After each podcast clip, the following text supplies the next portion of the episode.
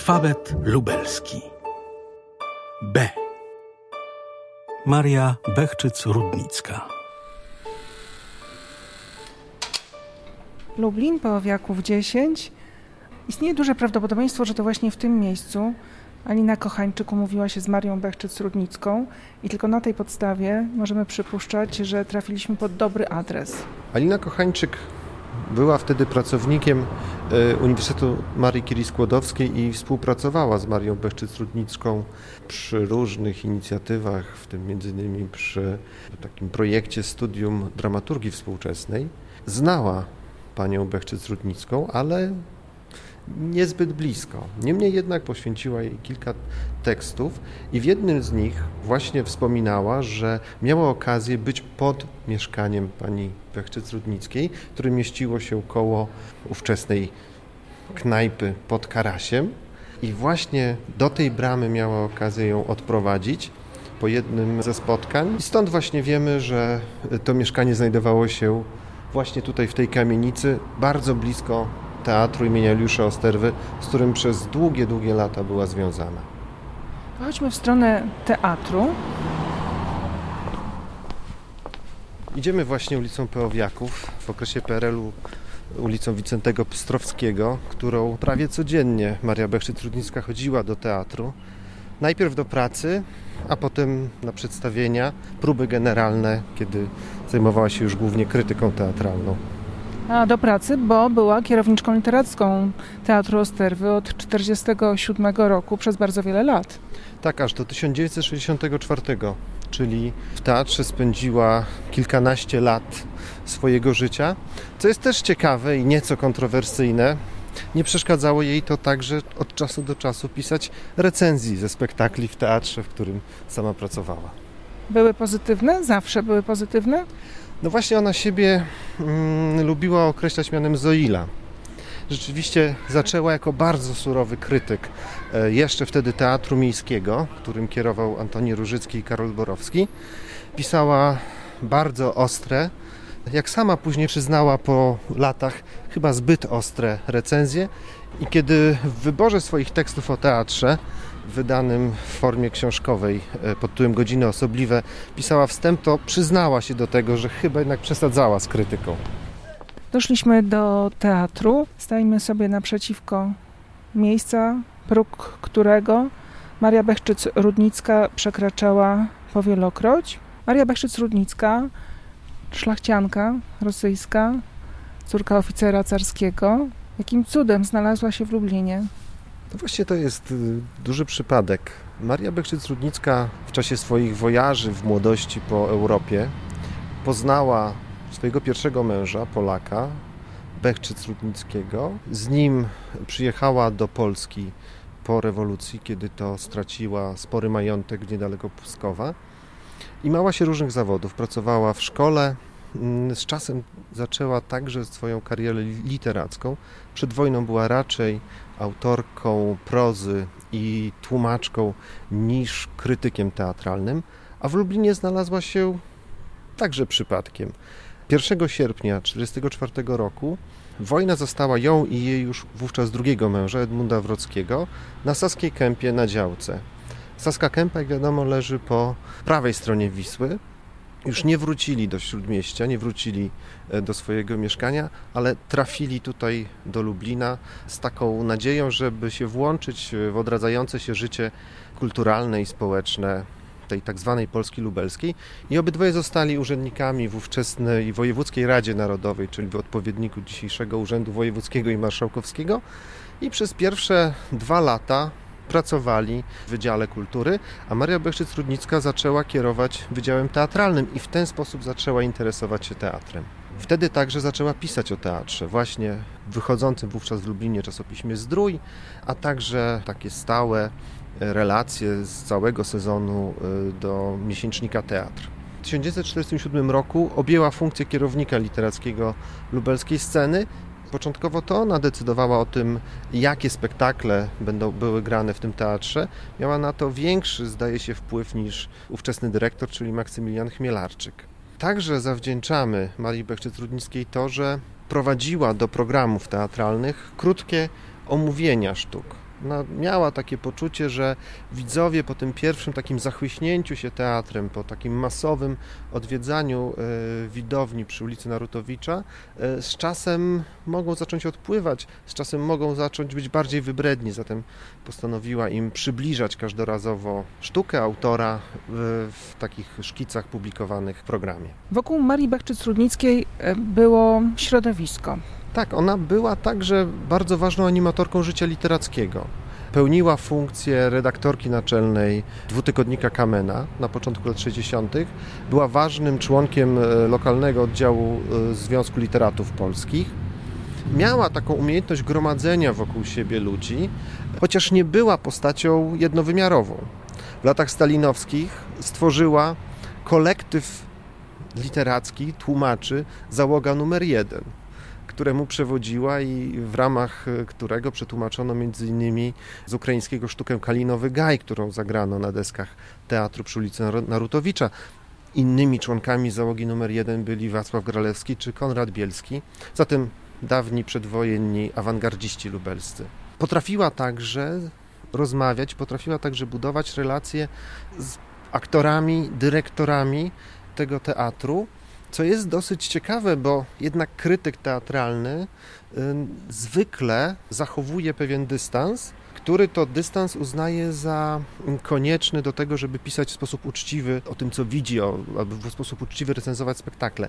Marii Bekrzyc-Rudnickiej te bliskie relacje nie przeszkadzały w tym, żeby pisać o teatrze to, co myśli. Owszem, czasami zdarzało się, że przepraszała dyrektora, że o tym spektaklu po prostu nie napisze, bo nie chce, żeby został po nim jakiś większy ślad, ale potrafiła także powiedzieć bezpośrednio to, co myśli, co też jest ważne i to podkreślają wszyscy ludzie, którzy ją znali. Ona za każdym razem, kiedy krytykowała, to mocno uzasadniała swoją krytykę. Y, była bardzo uważnym obserwatorem życia teatralnego.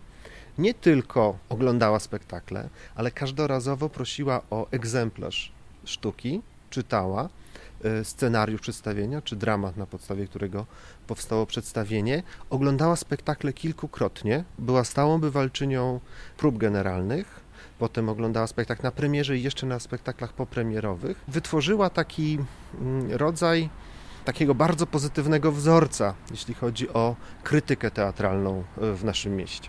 Mówi się też o jej przyjaźni z Różewiczem.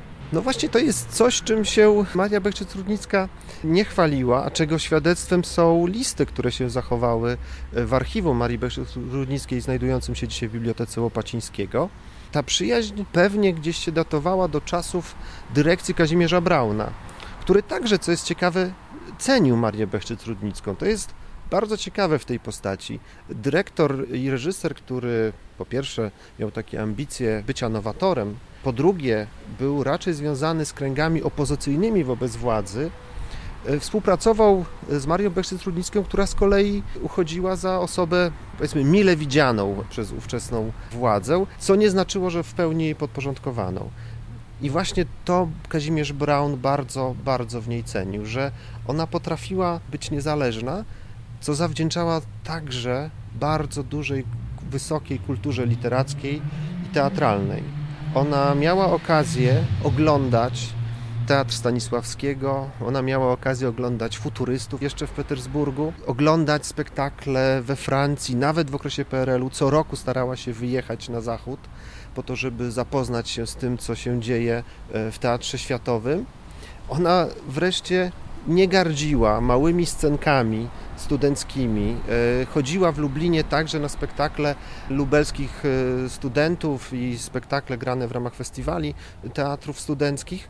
Co więcej, nawet ta bardzo nobliwa dama w wieku już ponad 80 lat, e, w charakterystycznych turbanach, takich, których, jak wspominano, wówczas nie można było w Polsce nigdzie kupić, i w bardzo eleganckich płaszczach i sukniach, potrafiła wejść na taki spektakl teatru studenckiego i po prostu bez większych ceremonii usiąść na podłodze, bo tak akurat y, zarządzili y, organizatorzy. I potem bardzo ciepło opisywać.